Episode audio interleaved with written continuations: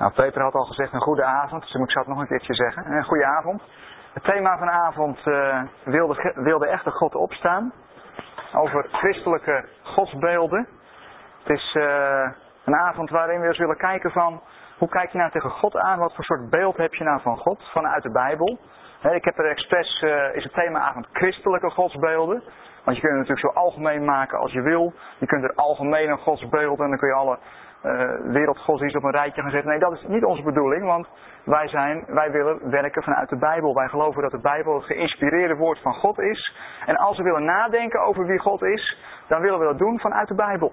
Dus daar moeten we dat ook in kunnen terugvinden. Dat is het toetssteen. Nou, dat is waar we vanavond mee aan de slag gaan. Uh, mijn voorstel is dat, uh, dat ik een verhaal vertel van nou, plus minus een minuut of veertig. en daarin willen we echt de Bijbel eens induiken en eens kijken wat voor soort manieren komen we daar tegen om over God te praten. Hoe wordt die daar neergezet? We zullen straks zien dat er eigenlijk drie manieren zijn waarop in de breedst mogelijke christelijke traditie vaak over God wordt gedacht. En elke, elke manier heeft weer zijn eigen set van bijbelteksten, zullen we ook zometeen bekijken. Alleen het probleem is dat ze niet alle drie met elkaar stroken. Dus je zult daarin keuzes moeten maken, want anders raak je hopeloos in de war.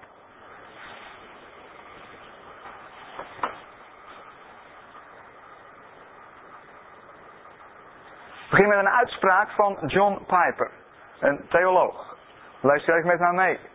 De praktische consequenties die aan de orde zijn in een intellectuele controverse, ik zal het zo in het Nederlands vertalen, zijn altijd groter dan we ons realiseren.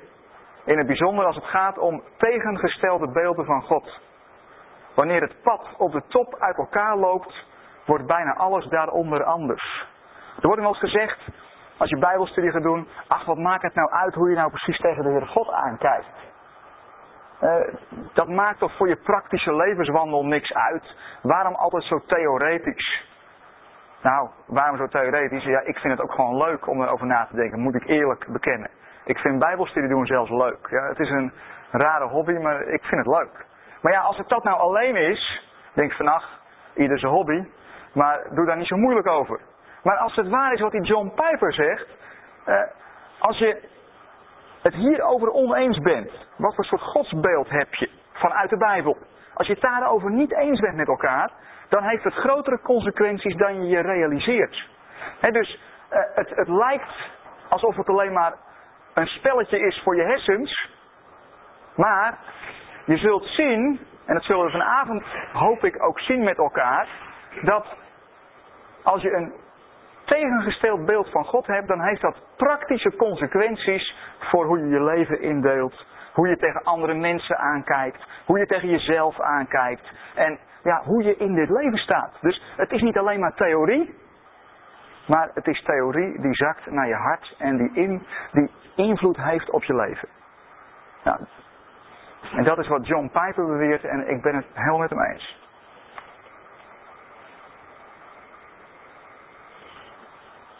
Het is de eerste manier om tegen de Heere God aan te kijken.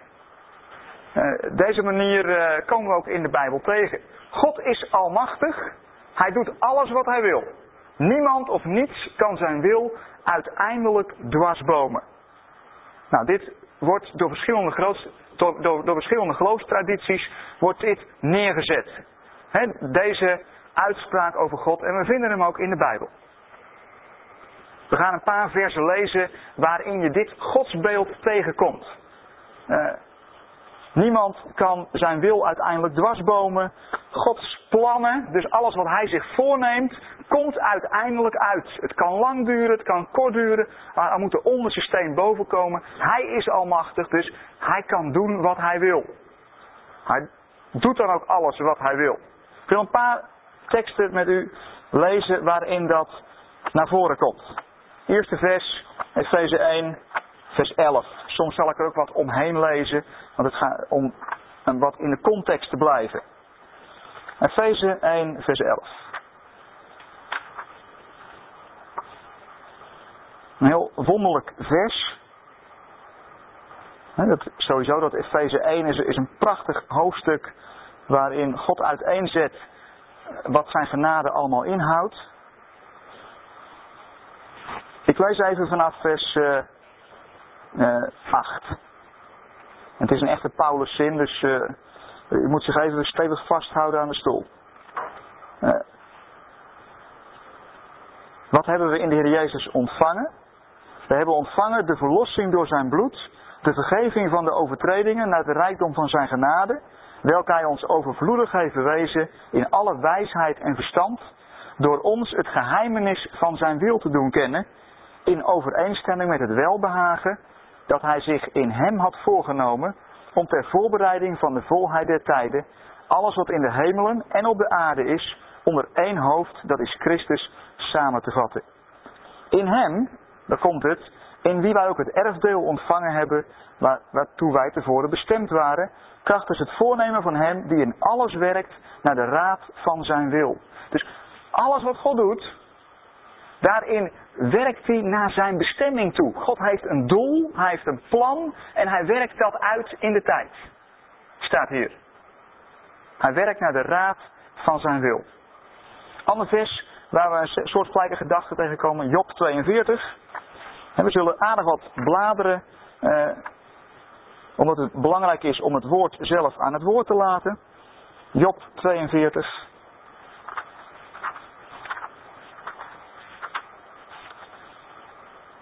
Het tweede vers. Job gaat antwoorden aan de Heere God. En Job, een wonderlijk boek. Waarin de, waarin de vrienden van Job allemaal hele mooie theologische uitspraken doen die zo lijken te kloppen. Maar toch krijgen ze uiteindelijk en van langs van de Heere God. En Job is eerlijk, hij klaagt zelfs God aan. En aan het einde zegt de Heere God, Job, dat is nou een knecht, die heeft recht van mij gesproken. Wonderlijk hè. En, dan staat er, toen antwoordde Job de Heere, ik weet dat gij alles vermoogt en dat geen van uw plannen wordt verijdeld. Dus eh, God kan alles, geen van zijn plannen wordt verijdeld. Laden maar wat door naar Psalm 115. Je zult steeds datzelfde idee weer tegenkomen, datzelfde beeld wat van God wordt geschetst. Zijn almacht. Psalm 115, waar boven staat, niet geïnspireerd, bewaren God alleen de eer. Ik lees even naar vers 2. Waarom zouden de heidenen zeggen, waar is toch hun God? Onze God is in de hemel. Hij doet al wat hem behaagt. Hetzelfde idee. God doet alles wat hem behaagt. Niemand houdt hem tegen. Misschien nog wel het sterkste voorbeeld daarvan vinden we in Jesaja 46. Weer even wat verder bladeren. Jesaja 46 vers. Ja, even vanaf uh, vers 9. Jezaja 46 vanaf vers 9. Denkt aan hetgeen vroeger van ouds gebeurde. Ik immers ben God en er is geen ander. Er is geen ander God en niemand is mij gelijk. Ik die van den beginnen de afloop verkondig en van ouds wat nog niet geschied is. Die zegt, mijn raadsbesluit zal volbracht worden en ik zal al mijn welbehagen doen. Krachtige taal.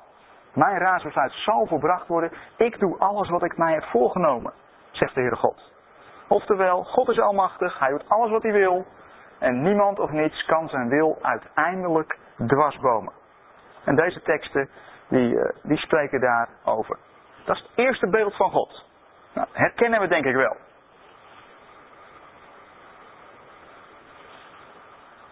Tweede beeld wat we in de Bijbel tegenkomen van God. Klinkt ook redelijk bekend in de oren, denk ik. Gods liefde strekt zich uit tot ieder schepsel. Hij wil dat iedereen verzoend wordt met hem.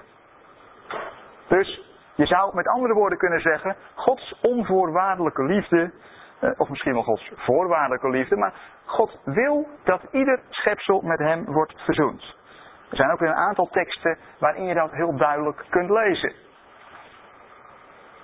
Even de teksten op een rijtje. We skippen ze even snel met elkaar door, want dan heeft u het nog eens even bij de hand. We beginnen met 2 Petrus 3.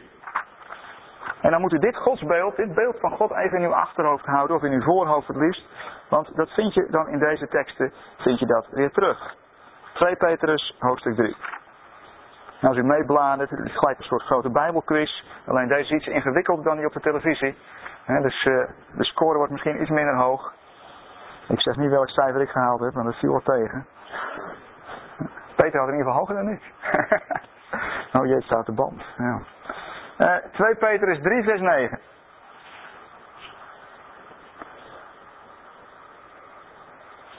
De Heere, zegt Petrus daar, talmt niet met de belofte. Al zijn er die aan talmen denken, maar hij is langmoedig jegens u, daar hij niet wil dat sommigen verloren gaan, doch dat allen tot bekering komen. Nou, dat past dus helemaal bij dit beeld van God. Uh, hij wil niet dat er ook maar iemand verloren gaat, maar dat mensen tot bekering komen. 1 Timotheus 2 vers 4. Mag u zelf bedenken of u naar vooruit of achteruit moet. 1 Timotheus 2 vers 4. Ik lees even vanaf vers 1. Ja, dit is een schitterend bijbelgedeelte waarin we uh, tijdens de volgende studieavond veel uitgebreider op terug zullen komen. Want daar hebben we het over het geheimenis, oftewel wat is nu eigenlijk het goede nieuws. Uh, 1 Petrus 2 vanaf vers 1, of 1 Timotheus 2 vanaf vers 1. Daar zegt Paulus, en dan roept hij de gemeente van, uh, dan roept, roept hij Timotheus op. En dan zegt hij, ik vermaan u dan, oftewel ik spoor je aan, allereerst smekingen, gebeden, voorbeden en dankzeggingen te doen voor alle mensen. Voor koningen en alle hooggeplaatsten. Opdat wij een stil en rustig leven mogen leiden in alle godsvrucht en waardigheid. Dit is goed en aangenaam voor God onze heiland, die wil dat alle mensen behouden worden en tot erkentenis der waarheid komen. Dus wat is Gods wil? Alle mensen behouden en tot erkentenis van de waarheid. Romeinen 11. u zult zo doorhebben waarom nou die stortvoets aan teksten. Nou, omdat u het niet moet doen met wat ik er nou toevallig over zeg, maar het, het moet naar boven komen vanuit dat woord. Want daar gaat het uiteindelijk om. Voor de rest is het allemaal hobby. Nee, nee het gaat om het woord. Romeinen 11. Waar Paulus een heel betoog opzet over heidenen en joden en eh, uh, het ongeloof van Israël en het geloof van de heidenen. Hij zit een heel betoog daarop, dat moet u maar eens rustig een keertje lezen. Maar hij komt dan wel tot een eindconclusie. Eh, ik lees even vanaf vers 28 van Romeinen 11. Dus Paulus' eindconclusie, na heel wat heen en weer gepraat en heel wat openbaring die hij van de Heer Jezus had ontvangen. Uh, vers 28 van Romeinen 11. Zij zijn, zij, de Joden die op dit moment niet in Jezus geloven, oftewel ongeveer 98% van de, de, Joodse bevolking van Israël, daar heeft Paulus het hier over. Want er wonen 2000 Joden die in Jezus geloven momenteel in Israël. De rest van die 5 miljoen uh, gelooft daar niet in. Zij zijn naar het evangelie vijanden om wil. Naar de verkiezing zijn zij geliefden om der wil, want de genadegaven en de roeping van God zijn onberouwelijk. Want evenals gij eertijds aan God ongehoorzaam waart, maar nu ontferming hebt gevonden door hun ongehoorzaamheid, zij zijn ook deze nu ongehoorzaam geworden, opdat door de u betoonde ontferming ook zij thans ontferming zouden vinden. Nou, dit gedeelte zijn we op de vorige studieavond wat uitgebreider op, eh, op, op ingegaan. En dan komt Paulus' eindconclusie, en en die past helemaal in deze lijn. Want wat, hoe, hoe zit God nu in elkaar? Want God heeft hen allen onder ongehoorzaamheid besloten. Wie hen allen? Eerst de, eerst de heidenen, toen de joden. Uh, dus hen allen, joden en heidenen. Nou, er zijn maar twee soorten mensen in de Bijbel. Joden en niet-joden. En dat worden dan vaak heidenen genoemd. Uh, en wij zijn christenen uit de heidenen. Een soort heidense christenen, dat is weer wat anders. Uh, en dan staat er, Waarom heeft God hen allen onder ongehoorzaamheid besloten om zich over hen allen te ontfermen? Dus hier zie je duidelijk weer, dit wil God graag. Nog maar eentje. Colossense 1. Colossense hoofdstuk 1. Ik heb het niet expres gedaan hoor, allemaal zo kriskras door elkaar. Maar het is wel leuk. Colossense 1, waar een beeld wordt geschetst uh, Paulus gaat daar een plaatje als het ware tekenen en schilderen met woorden van wie is nou Jezus? En wat kwam die nou uiteindelijk doen? Wie is nou Jezus en wat kwam die doen? Colossense 1. Uh, ik, uh, ik val er even in bij vers 18. Daar kunnen we wel even inbreken. Hij, de Heer Jezus, is het hoofd van het lichaam, de gemeente. Hij is het begin, de eerstgeboren uit de doden. Zodat hij onder alles de eerste geworden is. Want het heeft de ganse volheid behaagd in hem woning te maken. En door hem vrede gemaakt hebbende door het bloed van zijn kruis. Alle dingen weder. Ja, weder is een beetje gek, want ze waren nog niet verzoend. Uh, je zou, zou ook kunnen vertalen met helemaal of tot op het bot. Helemaal met zich te verzoenen. Door hem. Het zij wat op de aarde, het zij wat in de hemelen is. Dus, wat wil God? Hij wil alles, alle schepselen op de aarde en alle schepselen in de hemelen wil hij door het bloed van het kruis van de Heer Jezus met zich verzoenen. Pas dus helemaal in dit beeld van God. 1 Korinthe 15.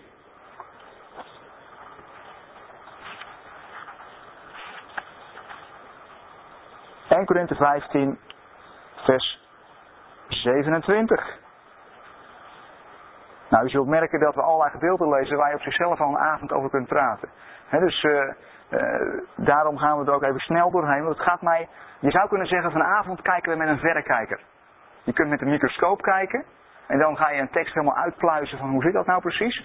Maar als je niet eerst met een verrekijker hebt gekeken, dan, loop je met de, dan heb je kans dat je met een microscoop vastloopt. Als je eerst niet een, uh, hebt besloten van ja, maar hoe zit, die, hoe zit dat grote plan van God nou in elkaar? Je gaat gelijk in de details duiken, dan loop je onherroepelijk vast. Dus vanavond hebben we de blik van een verrekijker. We kijken uh, ernaar op uh, van een grote afstand en we zien het geheel. We krijgen een overzicht. Dus dat moeten we even voor ogen houden vanavond. Het is een overzicht en we kunnen straks altijd nog wel met de vragen in wat details duiken, geen enkel probleem. Uh, 1 Korinthe 15, vers 27 en 28. Want alles heeft hij aan zijn voeten. Uh, hier, is de, hier is het God en Jezus. Want alles heeft hij aan zijn voeten onderworpen. Alles is onderworpen aan Jezus. Maar wanneer hij zegt dat alles onderworpen is, is blijkbaar hij uitgezonderd die hem alles onderworpen heeft. Oftewel, alles wordt onderworpen aan Jezus. Behalve God, God de Vader zelf. Dat is nogal logisch. Dat, dat, staat hier eigenlijk. Alles wordt onderworpen aan de Heer Jezus, behalve God de Vader zelf. En wat is dan het einddoel? Wanneer alles aan de Heer Jezus onderworpen is, zal ook de Zoon zelf zich aan Hem, de Vader, onderwerpen, die Hem alles onderworpen heeft. Oftewel, de Vader heeft ervoor gezorgd dat het lukte. Opdat God zij alles in allen. Nou, ook dit vers past weer naadloos in uh, dit beeld van God. Ten slotte, Romeinen 5.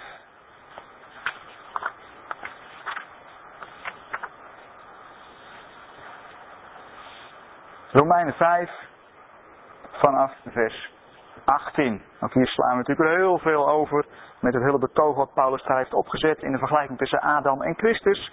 Maar zijn eindconclusie van het betoog vinden we in vers 18. Derhalve gelijk het door één daad van overtreding voor alle mensen tot veroordeling gekomen is. Die daad van overtreding, Adam, Eva. Ja, het is flauw, maar Adam wordt er in eerste instantie op aangesproken. Eén daad van overtreding, voor alle mensen tot veroordeling. Ja, daar hebben we allemaal last van, van die daad van Adam. Daar ervaren we nog dagelijks de consequenties van. Zo komt het ook door één daad van gerechtigheid. Wat is die ene daad van gerechtigheid? Dat is het offer van de Heer Jezus. Dat is de ene daad van gerechtigheid. Daarom wordt de Heer Jezus ook de tweede Adam genoemd. Je hebt eigenlijk maar twee mensen. Tenminste, mensen met een hoofdletter. Je hebt heel veel mensen. Je hebt de eerste Adam. En die trekt de hele schepping een bepaalde kant uit. Namelijk de kant van veroordeling. En je hebt de tweede Adam, de tweede echte complete mens. En die trekt die schepping weer de andere kant uit. En dat lees je gewoon in Romeinen 5. zo komt het ook door één daad van gerechtigheid voor alle mensen tot rechtvaardiging ten leven. Dan vers 19. Want gelijk door de ongehoorzaamheid van één mens zeer vele zondaren geworden zijn, zo zullen ook door de gehoorzaamheid van één zeer velen rechtvaardiger worden. Maar het tweede deel, dat vers 19 veroorzaakt dan best wel weer wat verwarring. Hij heeft iemand een NBV-vertaling bij zich, dus een nieuwe Bijbelvertaling. Iemand het meegenomen? Eh, wil jij vers 19 eens lezen in de NBV-vertaling? Ja? Uh, door de ongehoorzaamheid van één mens alle mensen zondaars werden, we zullen door de gehoorzaamheid van één mens alle mensen rechtvaardig. Ja, en dan vers 19? Oké, ja, oké. Nou, hier zie je de, de NBV-vertaling. Eh, op andere punten ben ik er niet zo blij mee. Maar dit, dit hebben ze nou, hier is er precies de gedachte vertaald die hier staat. De, oftewel allen. er staat wel velen, maar als je kijkt naar uh, de, het eerste gedeelte. Uh, door de ongehoorzaamheid van één mens zijn zeer velen zondaar geworden. Wie niet dan? Zit hier iemand die geen zondaar geworden is? Dan mag ik u hartelijk feliciteren. Heeft u wat tips voor mij? Dus, dus we zijn de, je kunt ook vertalen met de velen. En dat is één categorie. En wie zijn de velen? Alle nakomelingen van Adam. Dat is de categorie. En diezelfde categorie vind je dan in het tweede gedeelte. En dat slaat dus naadloos aan bij vers 18. Oftewel, het past helemaal bij dit beeld van God. Gods liefde strekt zich uit op ieder schepsel. Hij wil dat iedereen verzoend wordt met hem. Krijgen we een derde godsbeeld wat er in de, in de Bijbel tegenkomt.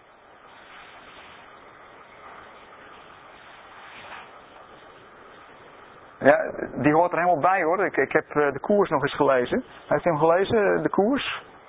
Dat is het derde godsbeeld. Het laatste taboe, de hel. Nou, ik dacht, deze kon ik niet vinden, dus laat ik dan een ander plaatje uitkiezen. Van een zeer eh, degelijk geloofsgemeenschap die dat op hun site hebben staan. er gaan mensen voor altijd verloren, zij brengen de eeuwigheid door in de hel. En hoe dan precies? Nou, ik geloof wat 60% tot 80% denk dat het er zo ongeveer uitziet. En wat hoort bij dit geloofsbeeld? Ga ook een paar bijbelteksten bij lezen. Johannes 3.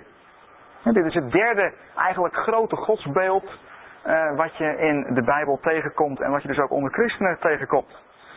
Uh, Johannes 3, vers 16 en 17.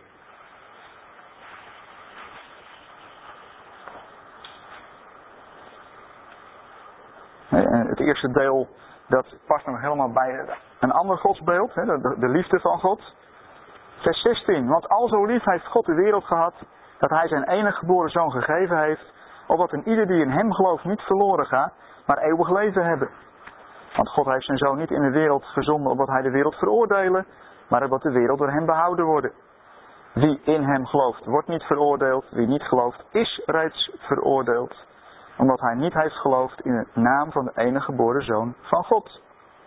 Dit lijkt toch wel heel goed bij deze te passen. Efeze 5, het vijfde vers.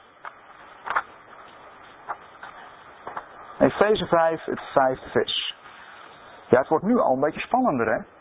Want, ziet u al een beetje de, de spanning die hierin gaat komen tussen deze drie godsbeelden?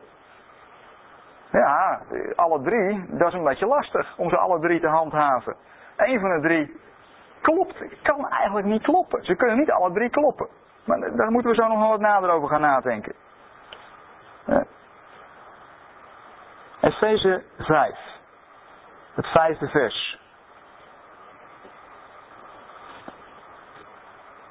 Want hiervan moet gij doordrongen zijn, zegt Paulus daar, dat in geen geval een hoereerder een onreine of geldgierige, dat is een afgodendienaar. Ja, ik lees dit vlak voor de collecte, dat heeft u wel door. Uh, erfdeel heeft in het koninkrijk van Christus en God. Nou, dat is duidelijke taal. Het lijkt helemaal wel hierin te. Het past helemaal in, in, in deze visie, toch? Matthäus 25. Woorden van de Heer Jezus zelf. Matthäus hoofdstuk 25.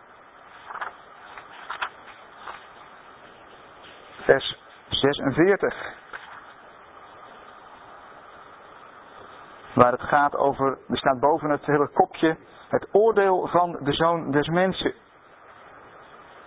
En dan uh, gaat de Heer Jezus uh, ja, een, een, een deel van de mensheid aan zijn linkerhand en een deel aan zijn rechterhand neerzetten.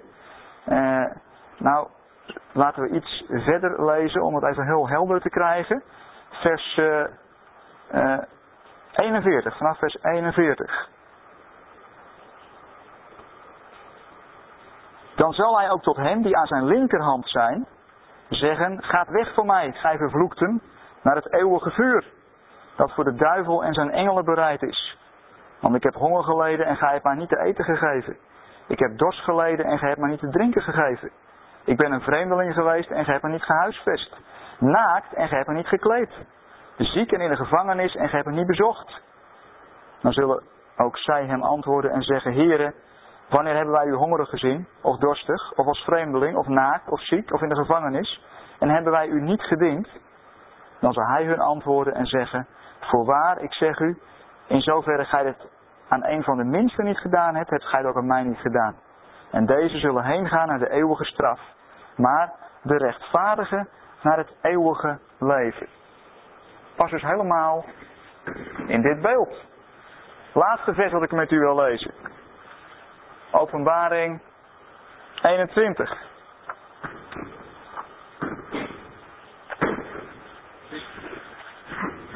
Ja, we hebben het niet uh, gepland. Hè? Ja. Openbaring 21. We zijn midden beland op de nieuwe hemel en de nieuwe aarde. En dan lezen we daar uh, vanaf vers 6. Openbaring 21 vanaf vers 6. En hij sprak tot mij. Hij is uh, de Heer Jezus. Zij zijn geschied. Ik ben de Alpha en de Omega, het begin en het einde. Ik zal de dorstigen geven uit de, de bron van het water des levens om niet. Wie overwint, hier zien we die tegenstelling, wie overwint zal deze dingen beërven. En ik zal hem tot een God zijn. En hij zal mij een zoon zijn. Maar, en hier kom je dezelfde categorie tegen die Paulus noemt in Efeze 5. Maar, de lafhartige, de ongelovige, alleen wat, wat uitgebreider. De verfoeilijke, de moordenaars, de hoereerders, de tovenaars, de afgodendienaars, oftewel geldgierigen. En alle leugenaars, hun deel is in de poel die brandt van vuur en zwavel. Dit is de tweede dood. Dat is het derde godsbeeld. Maar hoe zit het nou? Want het, het lijkt erop. Als je nou het weer even terughaalt. God is almachtig. Hij doet wat hij wil. Hij zorgt dat zijn wil uiteindelijk wordt uitgevoerd. Hebben we gezien. Tweede godsbeeld. Ook duidelijk vanuit de Bijbel. God wil dat iedereen behouden wordt. Hij houdt van ieder schepsel. En de versen die we gelezen hebben lijken toch wel zeer helder te impliceren dat het hem ook gaat lukken. Hij zal alles in allen worden. Uh, hij zal verzoenen de schepselen op aarde, de schepselen in de hemel. Uh, nou, uh, maar het derde godsbeeld, dat lijkt alles weer op, ja lekker, ja. Dat lijkt plotseling de hele zaak weer om te draaien en te zeggen, ja maar, hou wacht eens even. Uh, er zijn heel wat mensen, heel wat schepselen die ongelovig zijn. Of die geldgierig zijn. Of die moordenaars zijn. Misschien nog niet in daad, maar misschien heb je in je, in je, in je uitspraken wel iemand monddood gemaakt. Leuk een soort moordenaar. Hè? Lees de bergreden maar eens erop na. Uh, dus er zijn heel wat schepselen, kennelijk, leugenaars. Nou, hun deel is in die poel vuurs. Hoe zit dat nou? Hier staan ze nog even op een rijtje. De, de drie belangrijkste christelijke godsbeelden. Maar welke moeten nu afvallen? Want alle drie, dat kan niet. Want als God almachtig is en zijn doel bereikt. Maar er is ook nog een soort altoos durende hel. Heeft hij dan zijn doel niet bereikt? Met die mensen die naar die altoos durende hel gaan? Heeft hij daar zijn doel niet mee bereikt? Ja, weet wel wat u zegt. Want als hij met tien mensen zijn doel niet heeft bereikt. Weet u wat een andere definitie is van je doel niet bereiken? Zonde. Dus als je zegt, ja, Heere God, u heeft het misschien wel geprobeerd. U tuurlijk bent u almachtig. Maar ja, het is niet helemaal gelukt. U was zelf een plan, maar het is niet gelukt. Dan is God, het spijt me om het te moeten zeggen, maar dan is God een zondaar. Want dan heeft hij zijn doel niet bereikt. En ik zou bijna zeggen, als ik zo om me heen kijk, hoeveel van die ongelovigen en die leugenaars en die geldgierigen er zijn, eh, en die moordenaars en tovenaars en noem maar op, eh, dat hij belangen na dan zijn doel niet bereikt heeft. Je zou hem bijna kunnen bestempelen als de grootste zondaar alle tijden. Want hij heeft belangen na zijn doel niet bereikt. Dat is een probleem. Dat is een probleem. Ja, meestal denk je niet op zo'n manier over na. Hè? Dan zit het ergens in je hoofd en dan denk je van ja, het klopt misschien helemaal niet, helemaal. Maar ja, je leeft weer gewoon verder. Dus het eerste godsbeeld, oké. Tweede godsbeeld, God is liefde, hij houdt van ieder schepsel en wil iedereen redden. Welke lever je in? Welke lever je in? Nou, in de praktijk, in de praktijk werkt het in de, in de christelijke traditie ongeveer zo. In de, onder, ja, onder mensen die de Bijbel bestuderen. Uh, er zijn bepaalde groeperingen en stromingen en die leveren de tweede in. Die zeggen nou, punt 2 kan niet waar zijn. Het kan niet waar zijn dat God werkelijk van iedereen houdt. Dat kan niet. Want, want, want God is almachtig. En als God werkelijk van iedereen zou houden, dan, ja, hij doet wat hij wil. Hij, hij, hij voert zijn besluit uit. Niemand kan hem dwarsbomen. Ja, maar we hebben toch een vrije wil? Nou, en dat heeft hij toch zo bedacht. Dus hij is toch de eindverantwoordelijke? We hebben onszelf toch niet bedacht? Dus het kan niet zo zijn dat als hij echt besloten heeft dat hij van iedereen houdt en dat hij iedereen wil redden, dan kan het niet zo zijn dat hij dat doel niet bereikt. Want anders is hij niet almachtig. Dus waarschijnlijk hebben we de Bijbel niet goed gelezen. Waarschijnlijk klopt punt 2 gewoon niet. En als je met je verrekijker blik dat besluit, punt 2 klopt niet. Weet je wat je dan bijvoorbeeld krijgt? Uh, ik zal u een, gewoon even een voorbeeldje noemen. Uh, bijvoorbeeld 1 Timotheus 2. Dan geef ik u een uitleg van een, eh, zeer beroemde uh, Bijbeluitlegger. Ik zal u straks verklappen wie het is. En die heeft 1 Timotheus 2 als volgt uitgelegd. En dat is een Bijbeluitlegger die punt 2 heeft geschrapt. Want daar kan hij niks mee. Want ja, je, je moet er een schrappen. Anders kom je hopeloos in de war. 1 Timotheus 2, daar staat, 1 Timotheus 2 vers 4. Dit is goed en aangenaam voor God onze heiland, die wil dat alle mensen behouden worden en tot erkentenis der waarheid komen. Nou, zo staat het er ook gewoon in het Grieks hoor. Dat alle mensen behouden worden en tot erkentenis der waarheid komen. Daar, daar is geen woord Nederlands aan. Ja, het is allemaal Nederlands, maar het staat er precies zoals het staat. De theoloog waar ik het nu over heb, die heeft er het volgende van gemaakt. Die zegt, ja, dit uh, dit klopt niet in de grote lijn van de Bijbelse boodschap. Dit kan Paulus niet zo letterlijk bedoeld hebben. Want we zien om ons heen dat het niet uitkomt. Uh, daarom beginnen we niet gelijk bij de details. Hè? Snapt u het nu? Uh, dus Paulus heeft waarschijnlijk dit bedoeld. En dan gaat hij het op zijn manier vanuit punt 1 en 3, want dat is zijn godsbeeld, gaat hij het, gaat hij het verklaren. Uh, God die wil dat, dit is goed en aangenaam voor God onze heiland, die wil dat er van allerlei soorten mensen, hoort u het? Dat er van allerlei soorten mensen behouden worden. Dus God wil dat er uh, uh, een x aantal Nederlanders behouden worden. Dan heeft hij de soort Nederland in stand gehouden. Uh, God wil dat er een x aantal Chinezen behouden worden. En dan kunnen we straks in de hemel Chinezen. God wil dat er een x aantal. Nou, noem maar op. Hij wil dat er van allerlei soorten mensen behouden worden. Doe je dan tekst niet een beetje geweld aan? Ja, doe je tekst een beetje geweld aan. Maar je redt wel je godsbeeld. En dat is het doel. Dat is het doel. dus als je één Als je één wil vasthouden en je wil drie vasthouden, dan moet je twee opofferen. Het lijkt bijna van het kwartet te zijn. Maar we zijn met de verrekijker aan het kijken. Zijn met de verrekijker aan het kijken. Hetzelfde verhaal vind je, want dat is ook een hele lastige tekst. Als je 1 en, als je 1 en 3 wil handhaven, dan is, wordt Romeinen 5 ook heel lastig.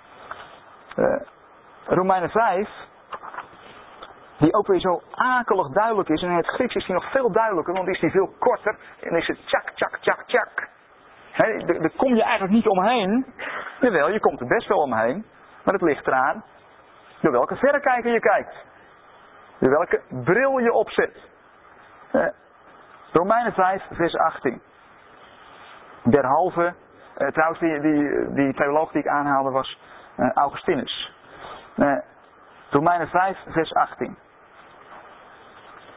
Gelijk het door één daad van overtreding voor alle mensen tot veroordeling gekomen is, zo komt het ook door één daad van gerechtigheid voor alle mensen tot rechtvaardiging ten leven. De meeste commentaren die je hierop naleest, commentaren uh, van theologen die impliciet, dus dat zeggen ze niet. Beste mensen, dit zijn de drie godsbeelden in de Bijbel. Wij laten twee vallen en we kiezen voor één en drie. Dat zeggen ze niet. Nee, maar als je gaat lezen hoe ze de Bijbel uitleggen, dan kom je daarachter. Als je dit in je achterhoofd hebt. En hoe wordt dit dan uitgelegd, Romeinen 5, vers 18? Dan zeggen ze ja, als je dit gedeelte letterlijk zou nemen zoals Paulus het hier zegt, dan kom je bijna erop uit dat, dat God uiteindelijk alle mensen zou gaan verzoenen. Maar dat kan natuurlijk niet. Nee, waarom kan dat natuurlijk niet? Omdat je 1 en 3 wil vasthouden. Daarom kan dat natuurlijk niet. Dat kan natuurlijk niet, dus in de lijn van het, van het evangelie moet je dit anders verklaren. Ik kom dit soort uitleggen, ben ik letterlijk tegengekomen. En ik heb er al een stuk of uh, dertig op nagelezen over Romeinen 5. Drie kwart gaat deze kant op. Dus hoe moet je dat eigenlijk zien? Eigenlijk moet je hier zien, ja, Paulus zegt het eigenlijk wat krom hier, dat is jammer.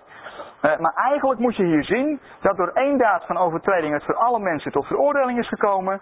En voor alle gelovigen komt het voor één daad van gerechtigheid tot rechtvaardiging ten leven. Echt waar, zo wordt het echt uit, wordt keihard uitgelegd. En dat is logisch. En dat wordt natuurlijk heel mooi omschreven. En daar worden bijbelteksten geplukt vanuit het derde godsbeeld. Om het tweede godsbeeld onderuit te halen. Dat gebeurt dan. Dat gebeurt dan. En dat klinkt, als je dit niet in je achterhoofd hebt, klinkt het nog heel logisch ook. Denk je van, oh ja, ja, dat is logisch, want ja, eh, als je niet gelooft, dan, eh, dan word je niet behouden. Dus ja, dan, dan kan Paulus dit niet zo bedoeld hebben zoals er staat. En zo wordt dit vers eigenlijk wegverklaard. En je zou kunnen zeggen, uh, je streept het een tegen het ander weg. Dat is echt een probleem. Er zijn ook mensen, dat is een andere geloofstraditie, uh, die zeggen nou, wij houden punt 2 vast. Punt 2 willen we ten koste van alles vasthouden. Want, laten we eerlijk zijn, als God wel almachtig is en hij zou zijn doel kunnen bereiken, Maar voor een groot deel van de mensheid bereikt hij het niet. Of met andere woorden, wil hij het helemaal niet. Dan beperk je eigenlijk God in zijn liefde. Dan zeg je eigenlijk, nu gaan we even praktisch worden. Hè? Nu, John Piper even in gedachten. Dat wat je denkt heeft consequenties van hoe je leeft en hoe je tegen jezelf en andere mensen aankijkt. Je zegt eigenlijk, beste mensen, jullie zijn veel te positief over God. Je denkt dat hij van jullie allemaal houdt? Mooi mis. Hij houdt maar van een paar van jullie. Hij houdt alleen maar van die mensen die hij heeft uitgekozen om van te houden. En van de rest, hij heeft nooit de intentie gehad om van die andere mensen te houden. Nee hoor, gaat nog een stapje verder. Want als hij almachtig is en hij bereikt alles zijn doel, dan heeft hij kennelijk met die, met die mensen waar hij niet van houdt, heeft hij ook zijn doel bereikt. Alleen had hij daar een ander doel mee. Namelijk de hel. Dat was zijn doel met die mensen. Want je kunt toch niet zeggen dat hij zijn doel niet bereikt? Dus praktische consequenties. Ik ben heel blij dat de meeste gelovigen die in deze traditie zitten dit niet zo praktisch uitwerken in hun leven. Uh, maar de praktische consequentie is, als je het verder uitwerkt, uh, je gelooft in een God met een zeer beperkte liefde. En uh, ja, met een veel grotere haat. Je zou bijna tegen mensen kunnen zeggen uh, die ongelovig zijn of die in die categorie horen. Ja, je weet natuurlijk nooit of ze daar nog uitgegrepen worden. Maar je zou bijna kunnen zeggen tegen ze, God haat jou. Hij houdt helemaal niet van je, hij haat je. En dat is zijn bedoeling voor jou. Wel een aparte manier van evangeliseren. Nou, wie weet, hebben we nog nooit geprobeerd. Dus dat is de praktische consequentie van de combinatie 1 en 3. Nou, zijn is een andere geloofstraditie. En die zegt, wij willen punt 2 vasthouden. Want als God niet van iedereen houdt, dan hoeft het van ons niet. Als, als, als God zo beperkt is in zijn liefde, eh, eh, daar, daar kan ik niet mee leven. Ik kan er niet mee leven dat hij van mij houdt, maar niet van mijn broer. Of niet van mijn vrouw. Of niet van mijn vader. Daar kan ik niet mee leven, met zo'n God. Er zijn, er zijn mensen die hierdoor ook uit, met de christelijke traditie gebroken hebben. Die zeggen, nou, dit hoeft van mij dus niet. Anderen zijn bij een ander godsbeeld terechtgekomen. Ook vanuit de Bijbel. God is liefde, houdt van ieder schepsel en wil iedereen redden. Maar ja, als je nou één, als je nou twee wil vasthouden, maar drie ook. Wat wordt dan de combi? Wat moet je dan laten vallen? Als hij nou van iedereen houdt en hij wil iedereen redden. Maar ja, iedereen wordt niet gered. Ja, dan kan één nooit waar zijn. Toch? Dan kan één nooit kloppen. Want als hij ook nog almachtig is en hij bereikt altijd zijn doel. En hij houdt van iedereen. Nee, nee, dus één laat je vallen. Eén laat je vallen. Dat is ook weer een bepaalde manier van, van geloven. En, en dan krijg je eigenlijk ongeveer het volgende. Uh, als je het praktisch gaat uitwerken. Tweede godsbeeld. De combinatie van twee en drie. Uh, er zijn heel wat mensen die, die, die zitten in die combinatie. Alleen hebben ze dat zelf niet zo bewust door. Maar ze zeggen eigenlijk, het is helemaal misgelopen. Het is helemaal uit de hand gelopen bij de Heere God. Hij had het niet voorzien. Dat is zo uit de hand verlopen. Of misschien heeft hij het wel voorzien, maar hij kan het niet meer goed. Ja, en, en wat is de Heere God nu aan het doen in deze tijd? Want hij houdt verschrikkelijk veel van iedereen. Hij probeert de schade zoveel mogelijk te beperken. Het, het is een soort. Hij probeert. Ja, de, de wereld staat als het ware in brand. Zondeval. Eh, en, en God is met zijn brandblusser, de Heer Jezus en de gemeente, is die probeer, probeert hij nog iets van die brand te blussen en nog te redden wat er te redden valt. Dat is eigenlijk de praktische consequentie van, van dit godsbeeld. En, en, en als je dan op die manier gelooft, ja, dan is het last. Wat dan lastig wordt is, hoe kun je nou zeker weten? Als de Heere God nu al één keer gefopt is. Wie geeft jou dan de garantie dat straks in de hemel, als alles weer perfect is, want dat was de eerste ook, dat, het, dat hij dan weer niet door een een of ander iemand gefopt wordt. En dat, het, dat de hemel straks weer in een hel verandert. Wie geeft je die garantie? God is immers niet, is de eerste keer niet almachtig gebleken. Waarom zou hij de tweede keer dan wel almachtig zijn? Dus eh, ook dat tweede beeld van God uh, heeft zo zijn risico's in zich. Maar, laten we eerlijk zijn, je houdt het met dat tweede beeld van God langer vol als met het eerste. Een God die van iedereen houdt en die zijn best doet om het waar te maken, uh, komt naar de mens gesproken een stuk sympathieker over dan een God die zegt van, joh, jij dacht dat ik van iedereen hield? Helemaal niet joh. Ik hou me van een uh, enkeling en van de rest hou ik helemaal niet. Die heb ik al lang bestemd voor de hel.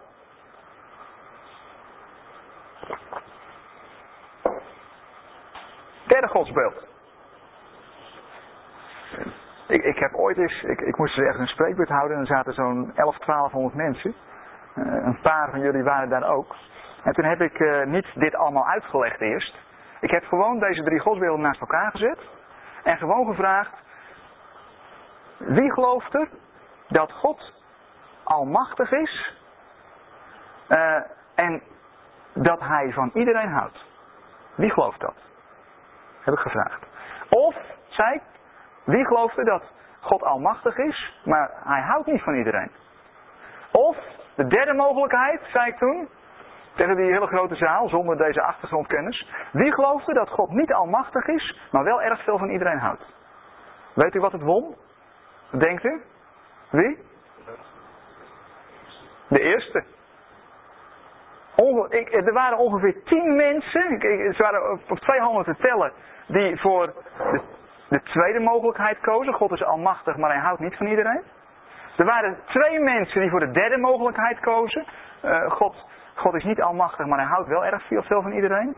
En de rest, ruim duizend mensen, kozen allemaal voor de eerste mogelijkheid. God is almachtig en hij houdt ook van iedereen. Zonder zich bewust te zijn van de praktische consequenties daarvan. Want ze zaten waarschijnlijk in een geloofsgemeenschap waar dat heel anders wordt geleerd. Dus kennelijk is soms de praktijk van hoe je God ervaart, is anders dan de theologie eh, waar je soms in verstrikt bent. God is almachtig, hij bereikt zijn doel. Hij is liefde, hij houdt van ieder schepsel en wil iedereen redden. Als je die twee gaat combineren, heb je ook een probleem. Heb je een probleem. Want wat moet je dan met die derde? Uh, moet je dan maar zeggen, zoals de vrijzinnigheid zegt. Van, ah jongens, dat is toch, dat is toch ouderwets. Uh, dat is allemaal zo middeleeuws. En, uh, dat, nee hoor, dat staat er helemaal niet joh. De, de, durende hel, nee hoor.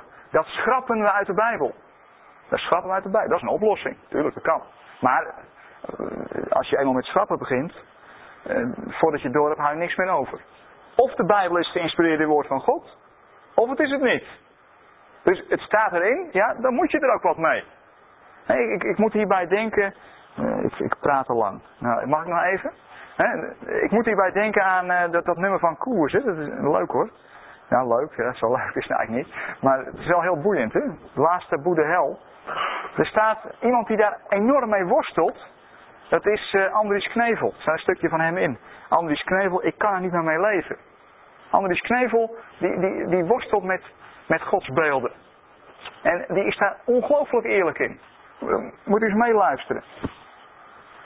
Welke plek heeft de hel in uw geloofsleven en hoe gaat u ermee om? Komt zijn antwoord. Kun je met de hel omgaan? Ik denk in toenemende mate van niet. Onlangs zei iemand me, er zijn drie mogelijkheden. Of je gelooft in de hel, en dat betekent dat je permanent psychiatrisch moet worden opgenomen. Want de gedachte dat vrienden en familieleden daar naartoe gaan, is een niet te verdragen gedachte. Of je gelooft in de hel en je hebt je baan opgegeven om dag en nacht langs de huizen te gaan om de mensen te waarschuwen. Of je gelooft in de hel, maar omdat de eerste twee dingen bij jou niet plaatsvinden, geloof je er diep in je hart niet in. Ik heb mijn baan niet opgegeven en ben niet psychiatrisch opgenomen.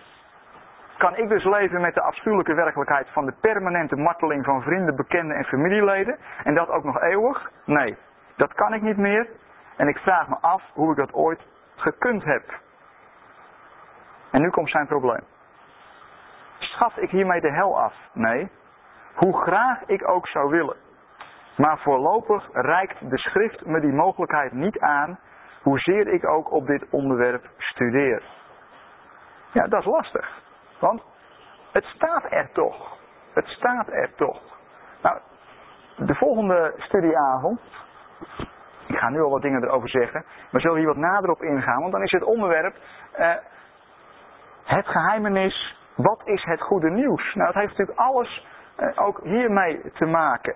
Hoe haal je die spanning weg? Uh, als nou 1 en 2 waar is, wat doe je dan met 3?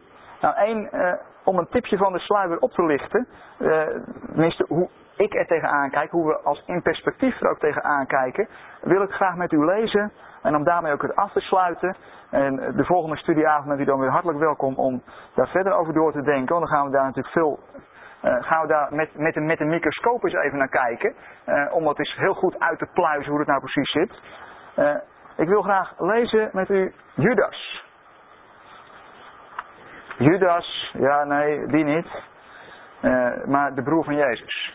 Judas, de broer, broer van Jezus. een heel kort briefje, het heeft maar één hoofdstuk. Judas. Judas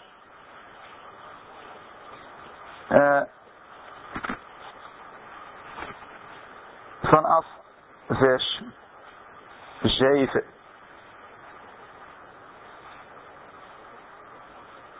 En dan gaat het daar over Sodom en Gomorra. Die worden daar gebruikt als je zou kunnen zeggen, het toonbeeld van kwaad. Als je nou over de hel hebt, nou, als Sodom en Gomorra daar niet komen, wie dan wel? Sodom en Gomorra. Vers 7. Zoals. En dan gaat het over engelen die een ontrouw, ontrouw geworden, die een roeping ontrouw geworden zijn. En dan, dan gaat Judas zegt daar, zoals Sodom en Gomorra, vers 7, en de steden in hun nabijheid, die op gelijke wijze als gene haar hoererij hebben botgevierd en ander vlees achterna gelopen zijn, daar liggen als voorbeeld onder een straf van eeuwig vuur. Dus Sodom en Gomorra liggen onder een straf van eeuwig vuur. Oftewel, de godsbeeld nummer drie. Sodom en Gomorra. Die passen helemaal in het plaatje. Ze waren zelfs nog geldgierig ook, staat er in Ezekiel 16.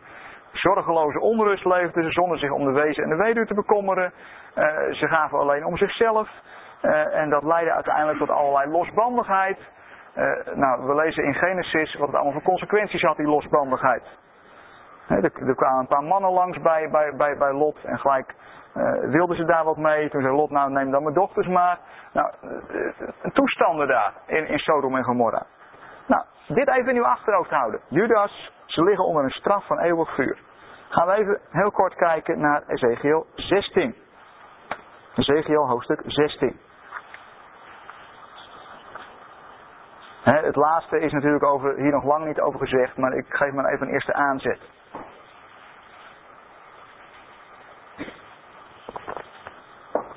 Ezekiel 16, waar de Heere God aan het woord is. En het thema is daar het ontrouwe Jeruzalem. En Jeruzalem krijgt er op alle mogelijke manieren van langs in het hoofdstuk. vanaf vers 14, vanaf vers 15. Er staat, maar gij hebt op uw schoonheid vertrouwd en ontucht gepleegd. En, en dat gaat maar door en het gaat maar door. En, en dan helemaal aan het einde, de vorige keer hebben we dat ook al kort met elkaar gezien. Dan, dan lezen we in vers 53 eh, wordt er een vergelijking gemaakt door de Heere God met Sodom en Gomorra. we lezen vanaf uh, halverwege 45 lezen we al over Sodom en Gomorra wat er allemaal mis was daar. Dan lezen we ook al dat het met Jeruzalem eigenlijk erger was gesteld dan met Sodom en Gomorra. En dan komt vers 53. Of laten we met vers 52 even beginnen. Draag dan uw schande, gij die het oordeel over uw zusters gunstiger hebt doen worden door uw zonde. Waarin gij gruwelijker hebt gehandeld dan zij, zijn zij minder schuldig dan gij. Schaam u dan en draag uw schande, omdat gij uw zusters, Sodom en Gomorra dus, de zusters van Jeruzalem, onschuldig hebt doen schijnen. Dan komt vers 53. En ik zal een keer brengen in haar lot, het lot van Sodom en haar dochters, en het lot van Samaria en haar dochters, en tevens zal ik een keer brengen in uw lot. Om het nog wat duidelijker te stellen, zegt de Heer God in vers 55. Uw zuster Sodom en haar dochters zullen terugkeren tot haar vorige staat. Samaria en haar dochters zullen terugkeren tot haar vorige staat. En gij en uw dochters zult eveneens terugkeren tot uw vorige staat. En dan uh, uh, komt de vers, als we nog iets verder lezen uh, in vers 61. Wat is dan de praktische consequentie daarvan? Van dat herstel van Sodom. Vers 61, dan zult gij terugdenken aan uw gedrag en uw schamen. Wanneer gij zowel uw grote als uw kleine zusters zult ontvangen. En ik u die tot dochters geven zal. En dus Sodom en Gomorra worden geadopteerd als dochters van Jeruzalem. Ja, maar dat kan toch helemaal niet? Want ze liggen toch onder een straf van eeuwig vuur? Hoe kan dat dan? Nou, de sleutel hierin is, en, en daar gaan we nu niet meer op in hoor, want u bent weer toe aan een kopje koffie, dat zie ik echt wel. Eh, de sleutel is uh, het, het tijdselement. En, en daar zullen we de volgende studieavond uitgebreid op ingaan, of misschien straks wel tijdens de vragen hoor, dat mag ook al van mij. Maar het, de sleutel is het tijdselement. Als je het hebt over tijd in de Bijbel, tijd en eeuwigheid, het, begrip eeuwigheid, uh, daar wordt veel over gediscussieerd en veel over gepraat. En dat moeten wij misschien ook maar eens doen. Maar het begrip eeuwigheid, dat is in het Oude Testament het begrip olam. En in het Nieuwe Testament het begrip aion. En het begrip aion, dat betekent zoiets als tijdperk met een begin en een eind. Het kan lang duren, het kan kort duren. Eh, maar het is een tijdperk wat een begin heeft en een eind heeft. Eh, er wordt zelfs in de Bijbel gesproken over eeuwigheden. Nou, als één eeuwigheid nou eindeloos duurt, dan is, is het natuurlijk absurd om te spreken over eeuwigheden. Uh, eindeloze eindeloosheden. In welke eindeloosheid leven we nu? Nou, in de eerste. Oh, wanneer begint de tweede eindeloosheid dan? Ja, dat is een eindeloze vraag. dus eh, dat is de sleutel. Als je, als, je, als je ziet dat straf, eeuwig vuur, Judas 7, eh, straf heeft een tijdelijk karakter. En er is dus kennelijk zegen mogelijk na de straf. Maar dat is toch uiteindelijk ook het evangelie. Dat er zegen mogelijk is na de straf. Eh, het zou mooi zijn als je een evangelie predikt als volgt. Martien, hoe gaat het met je, joh? Ja, dat is nou jammer. Ik kan hopen dat je gaat zeggen broert. Zeg eens even broert. Oh, gaat het broert met je, Martien? Nou, dan kan ik je verzekeren, joh, dat het altijd broert met je zal blijven gaan. En nog veel zegen, hè? Wel, eh, zo gaan wij soms met dat plan van God om. Hoe is het met Sodom? Nou, broert, je kunt er nog naartoe, dode zee. Je ligt lekker, lekker te drijven op Gods oordeel. Je blijft ervan drijven in ieder geval. Je lekker je krantje te lezen. En, maar, maar, nou Sodom. Je zou nog kunnen zeggen, even naar beneden kijken en even zwaaien naar Sodom en zeggen, nou, je hebt het niet best gedaan jongens. Onder een straf van eeuwig vuur. Ik heb gelukkig de goede keuze gemaakt. Eh, is dat dan het einde van Sodom? Nee, lees ik in Ezekiel 16. Die straf van eeuwig vuur komt tot een einde. Uh, het vuur wordt weer netjes uitgeplust. Want, want uh, dat kan toch niet anders? Hij bereikt zijn doel. En, en Sodom wordt weer omgekeerd, wordt hersteld, gereinigd en geheiligd en al. En gelovend in Jezus. Is toch gaaf, hè? Dus, nou, hier zie je één voorbeeldje van, van uh, de twijfel aan punt 3. Of we dat in onze kerktraditie, uh, onze geloofstraditie als christenen, of we dat punt 3 wel helemaal goed hebben gezien. Uh, mijn voorlopige conclusie, die conclusie is pas voorlopig, want we hebben maar één voorbeeld gezien en er zijn nog heel veel vragen over, misschien wel veel meer vragen. Mijn voorlopige conclusie is dus dat we dat niet goed hebben gezien. Dat er wel zoiets is als een hel, en daar moeten we nog over gaan praten. Wat bedoel je eigenlijk met het woordje hel? Het hele woord hel komt in de Bijbel niet voor. In de MBV is het ook, komt het ook niet meer voor, in de nieuwe Bijbelvertaling. Daar wordt het gewoon Gehenna genoemd, want dat is het. Of het is Hades, of het is Tartarus, of het is... Maar waar heb je het dan eigenlijk over? Nou, gaan we ook de volgende keer maar eens over nadenken. We hebben een hoop over na te denken de volgende keer. Maar mijn voorlopige conclusie is, als je 1 en 2 wil vasthouden, dan heb je gegronde redenen uh, om 3 uh, eh, anders, vanuit de Bijbel natuurlijk, anders te gaan invullen. En de sleutel is het tijdselement. Ik ga hier een punt zetten. En dan gaan aan de koffie.